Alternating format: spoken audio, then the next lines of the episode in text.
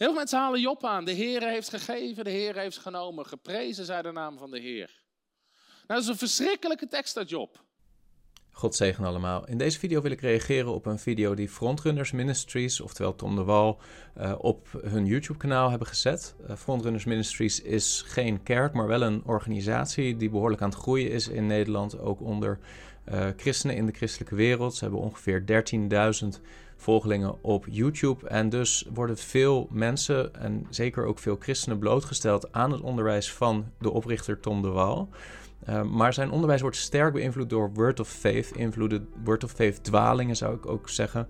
En in deze video wil ik een reactie geven op een van zijn video's, specifiek een video over een tegenargument op de Word of Faith theologie vanuit het boek Job.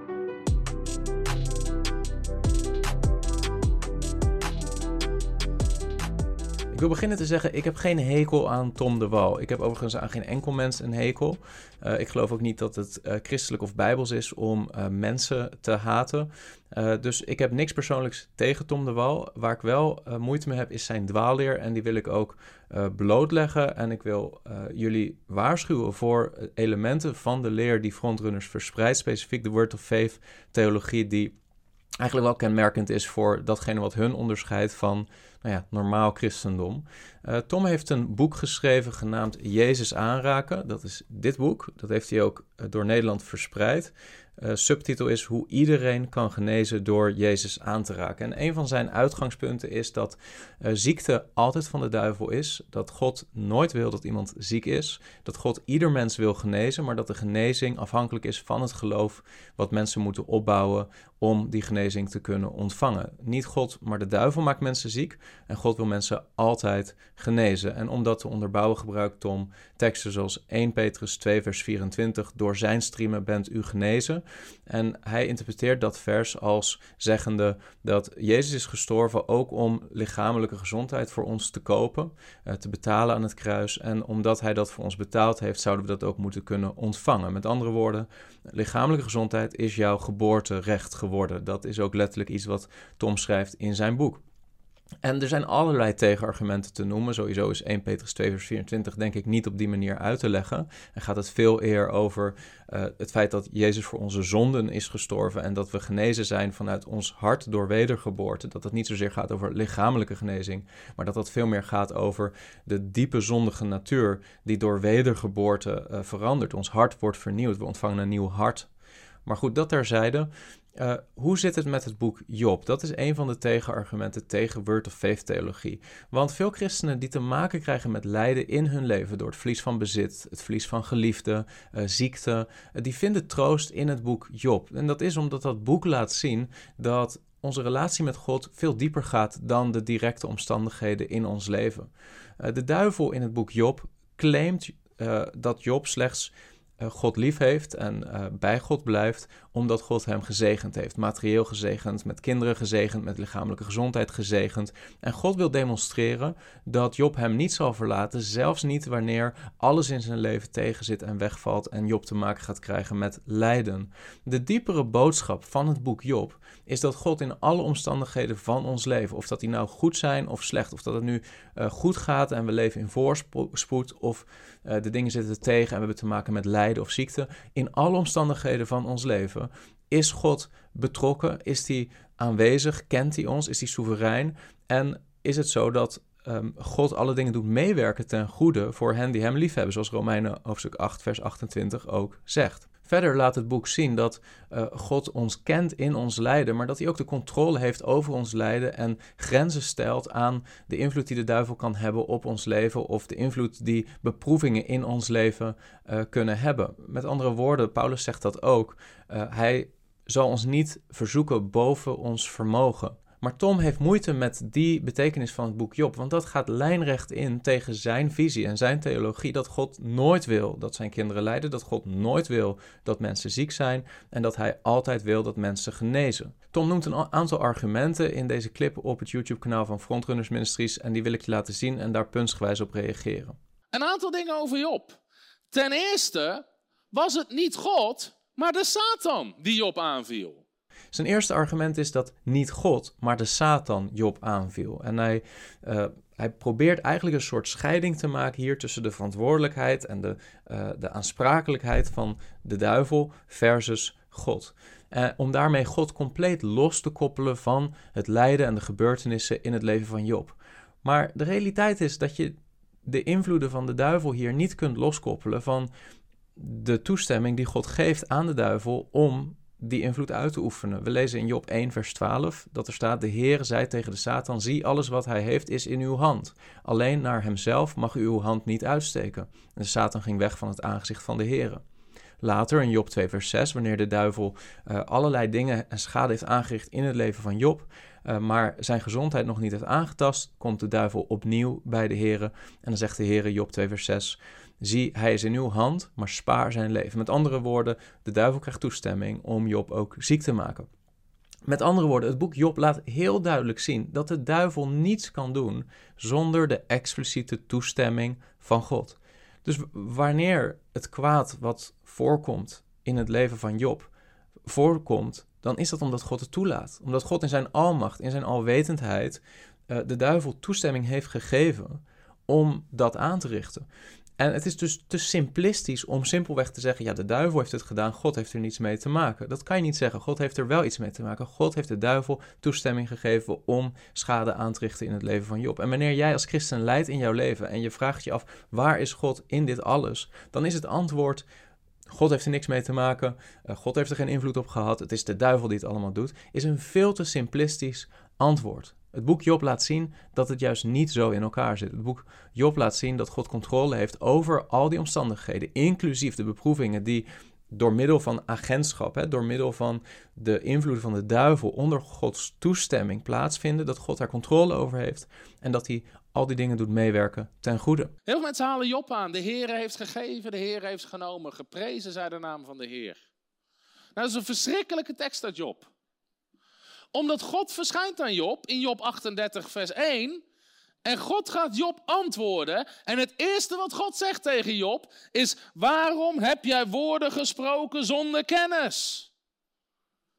Dus het eerste wat God tegen Job zegt is: Je hebt dingen gezegd die niet waar zijn. En mensen gaan volgens Job citeren. Terwijl God zegt dat wat hij zegt niet waar is. Dat is niet slim. Een volgend argument wat uh, Tom heeft uh, tegen het bezwaar van het boek Job op zijn Word of Faith theologie is dat hij zegt Jobs woorden zijn onbetrouwbaar. Waarom citeer je de woorden van Job? Terwijl God zelf zegt dat Job verkeerd gesproken heeft over hem. En dan heeft hij het letterlijk over dit schriftgedeelte waar Job in Job 1 vers 21 zegt: Naakt ben ik uit de buik van mijn moeder gekomen, naakt zal ik daarheen terugkeren. De Heer heeft gegeven en de Heer heeft genomen. De naam van de Heer zij geloofd. Nou, Tom vindt dit een verschrikkelijke tekst uit het boek Job, want Job zegt hiermee eigenlijk: de Heer heeft gegeven, de Heer heeft genomen. Maar in de oog van Tom heeft de Heer helemaal niks genomen. Het is de duivel die het heeft geroofd. Het is de duivel die hem heeft bestolen.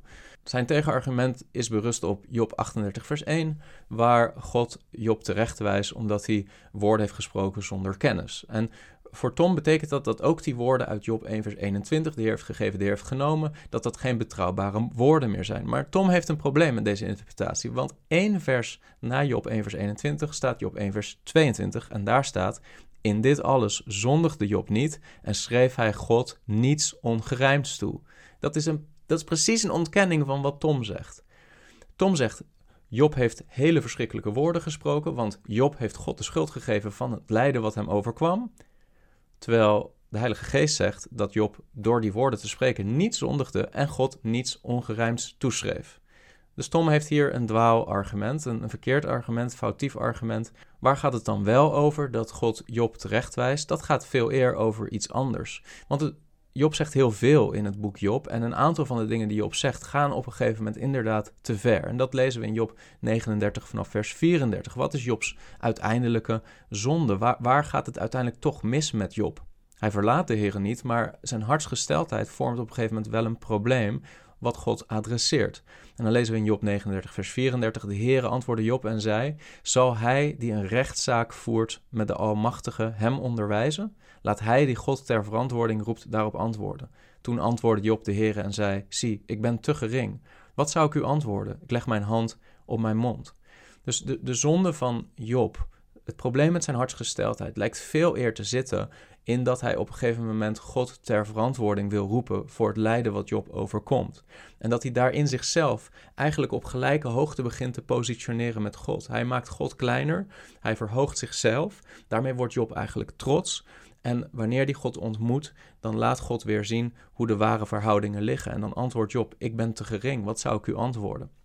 Met andere woorden, Job op enig moment begint trots te worden en begint te denken dat God verantwoording zou moeten afleggen aan hem. Daar gaat Job op een gegeven moment voorbij aan de realiteit van de heerlijkheid, de almacht, de soevereiniteit en de kracht van God en zijn beperkingen als mens. Vers 8. De Heer nu zei tegen Satan, hebt u ook acht geslagen op mijn dienaar Job? Dus het lijkt alsof God zegt, heb je ook op Job gelet? Maar er staat een sterretje bij en in de HSV en onderin staat, letterlijk staat er, heb jij je hart gezet op mijn dienaar Job? Dus God zag al dat Satan zijn hart had gezet op Job. Een derde argument van Tom in zijn video is dat niet God, maar de duivel het initiatief nam in het verhaal van Job. Dus opnieuw doet Tom een poging om het lijden van Job compleet toe te bedelen aan de invloed van de duivel en God daar compleet los van te maken. Ehm, maar is het wel eigenlijk relevant wie precies het initiatief nam hierin? Uh, of dat het nu de duivel was die als eerste het idee had om Job aan te vallen en te gaan roven. Of het was God die in zijn raadsbesluit verordineerde dat al die dingen zouden gaan gebeuren. Hoe het ook zij, God is almachtig, hij is alwetend, hij, hij weet het einde vanaf het begin. Dus of dat het nu in het hart van de duivel opkwam, of dat het nu uh, Gods raadsbesluit was, wat ik geloof, um, hoe dan ook, overkomt Job lijden. En is God niet alleen maar reactief daarin, maar geeft toestemming aan de duivel om dat lijden uit te voeren. Dus het tegenargument van Tom dat omdat het eerst opkwam in het hart van de duivel, God er opeens niets mee te maken zou hebben, is compleet um, zwak en onterecht. Job leefde niet onder het nieuwe verbond zoals ons, waar die autoriteit had over de duivel. Een vierde argument van Tom is dat Job niet leefde onder het nieuwe verbond zoals wij vandaag de dag. Want al dus Tom, in het nieuwe verbond hebben we autoriteit over de duivel. En omdat Tom gelooft dat ziekte altijd wordt veroorzaakt door de duivel, gelooft hij ook dat wij autoriteit hebben over ziekten. Maar dat is niet wat de Bijbel onderwijst. het is niet zo dat de duivel altijd de oorzaak is voor ziekte. De schepping, zo leert de Bijbel in Genesis hoofdstuk 3, is onderworpen door God aan een gebroken toestand.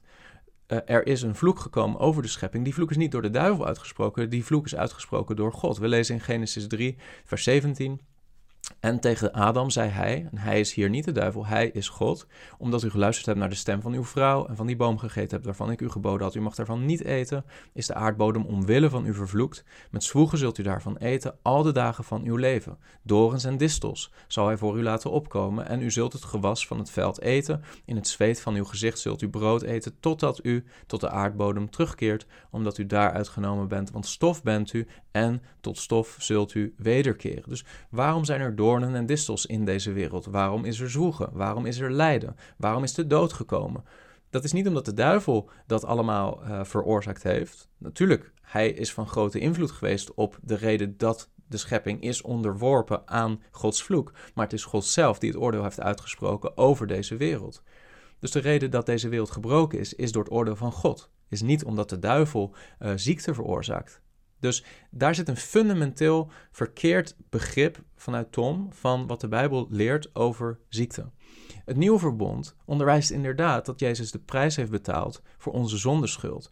Maar dat betekent niet automatisch dat de volle heerlijkheid en alle consequenties van het feit dat Jezus daarvoor heeft betaald, dat die nu al voor ons beschikbaar zijn. Sterker nog, het Nieuw Testament onderwijst keer op keer dat wij de Heilige Geest wel hebben ontvangen als onderpand, maar dat er een toekomstig erfdeel is wat wij nu nog niet zullen ontvangen.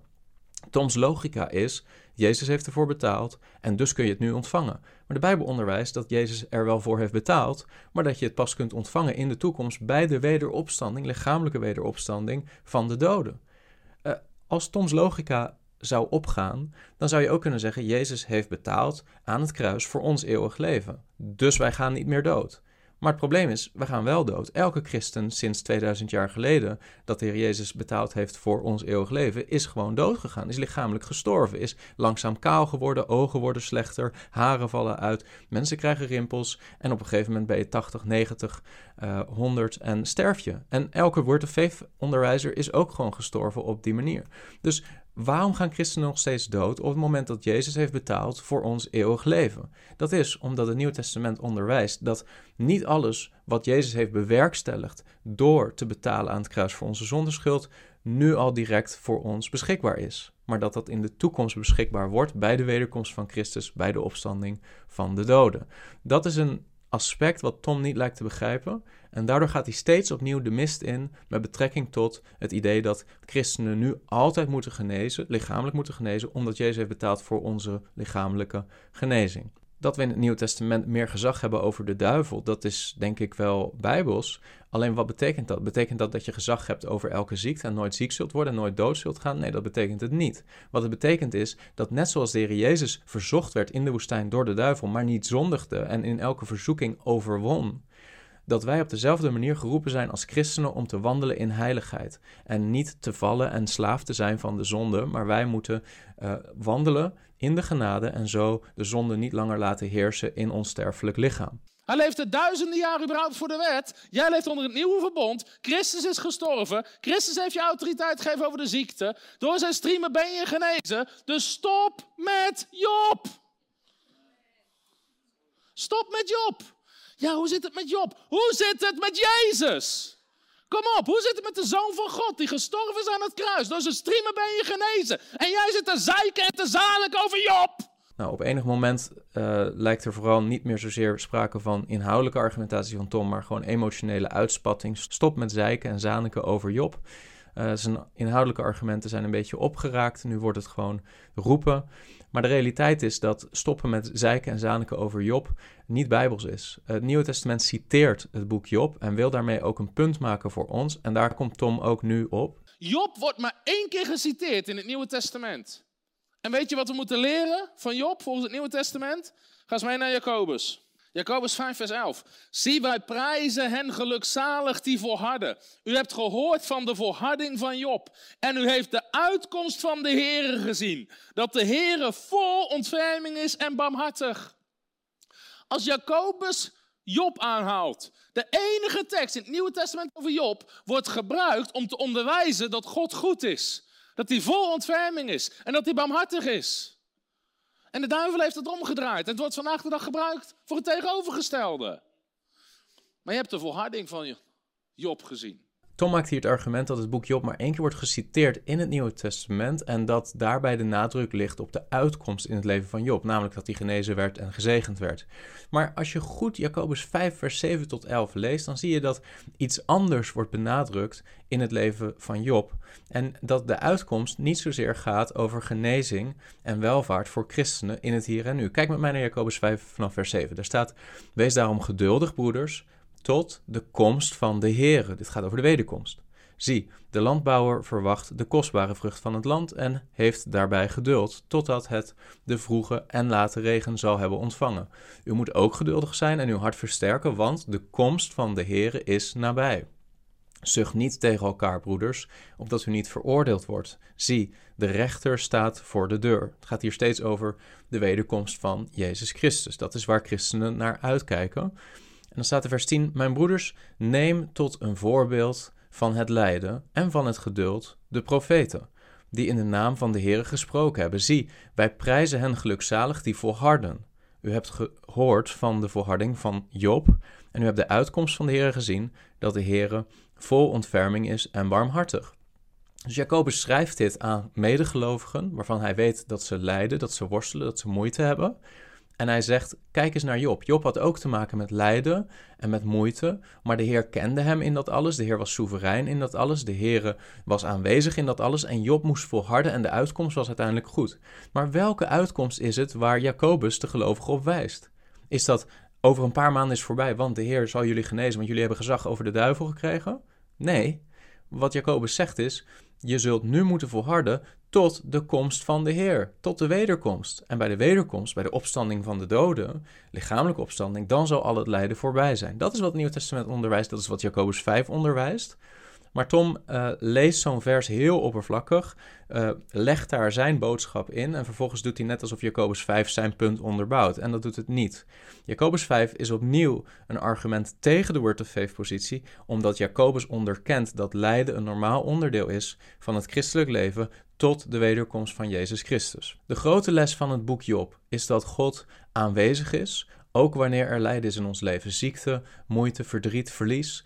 Wanneer die dingen gebeuren in ons leven, dan is God niet alleen aanwezig, maar soeverein over al die omstandigheden. En het Nieuwe Testament onderwijst net zoals het boek Job dat God al die omstandigheden, ook verdriet, ook moeite, doet meewerken ten goede voor hen die hem liefhebben. Dat staat ook in Romeinen 8, vers 28. Daar lezen we: We weten dat voor hen die God liefhebben, alle dingen, dus niet sommige dingen, maar alle dingen, inclusief lijden, inclusief moeite, inclusief gebrokenheid, inclusief verlies, alle dingen doet meewerken ten goede voor hen die overeenkomstig zijn voornemen geroepen zijn. Want, vers 29, hen die hij van tevoren gekend heeft, heeft hij er ook van tevoren toe bestemd.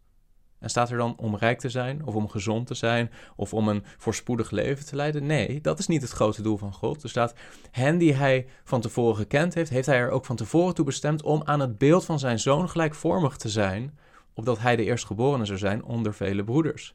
Dus God doet alle dingen meewerken in de, in de levens van gelovigen om hen te vormen naar het beeld van Jezus Christus. Om ons meer te maken gelijkvormig aan Jezus. En wat is het meest typerende aan Jezus? Is dat dat het altijd goed ging met hem? Is dat dat hij altijd rijkdom had, gezondheid, overvloed, voorspoed? Is dat hetgene wat het betekent om te zijn zoals Jezus? Of is het dat Jezus ons heeft laten zien hoe wij God en onze naasten onvoorwaardelijk moeten liefhebben? Ook wanneer wij daardoor te maken krijgen met moeite, met lijden, met pijn.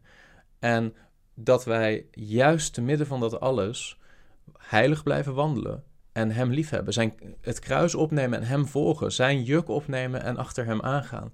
God wil ons leren om Hem onvoorwaardelijk lief te hebben, ook als de omstandigheden moeilijk zijn, ook als omstandigheden tegenzitten. God wil ons leren om onze echtgenoten lief te hebben, ook wanneer zij niet altijd voldoet aan alle voorwaarden. En dat geldt net zo goed voor vrouwen die hun mannen lief hebben. God wil ons leren om onze kinderen lief te hebben, zoals Hij zijn kinderen lief heeft, op een onvoorwaardelijke manier, etcetera, etcetera, etcetera. Dus God doet omstandigheden in ons leven meewerken om ons te heiligen. Dat wil zeggen, om ons te maken naar het beeld van Jezus Christus. Dat is Gods grote doel. En als het meer bijdraagt aan jouw proces om gelijkvormig te worden aan Jezus en te leren onvoorwaardelijk lief te hebben wanneer er moeite is in je leven of lijden, dan kan het zijn dat God dat daartoe gebruikt, want Hij doet alle dingen meewerken ten goede. Voor dat grote doel. En als het meewerkt ten goede om jou te zegenen met overvloed, met voorspoed, met lichamelijke gezondheid, en God daarmee zijn doel bereikt om jou gelijkvormig te maken aan Jezus, dan is dat ook goed. Maar wat er ook gebeurt, of dat er nu moeite is, lijden, uh, verdriet en volharding nodig is, of dat het nu goed gaat met je in je leven, God doet alle dingen meewerken ten goede voor hen die Hem liefhebben. En dat is de boodschap van het boek Job, en dat is de boodschap van het Nieuwe Testament. Maar de theologie van Tom de Wal, die eigenlijk zegt: als je ziek bent, dan is dat door de duivel. God wil je altijd genezen. Maar misschien is jouw geloof niet groot genoeg. Of als je te maken hebt met lijden of financiële tegenvallers, dan is dat van de duivel. God, de duivel is aan het roven in je leven. God heeft er niets mee te maken. Dan is die boodschap heel beschadigend voor jou als christen, wanneer je inderdaad te maken krijgt in je leven met vlies, met lijden, met ziekte. En vervolgens mensen voor je laat bidden en niet genezen wordt op dat moment. Of naar genezingssamenkomsten gaat van Tom de Wal en niet genezen wordt daar. En vervolgens toch nog ziek bent. En nu ben je niet alleen maar ziek, maar nu gaat ook die boodschap door je hoofd dat je ziek bent.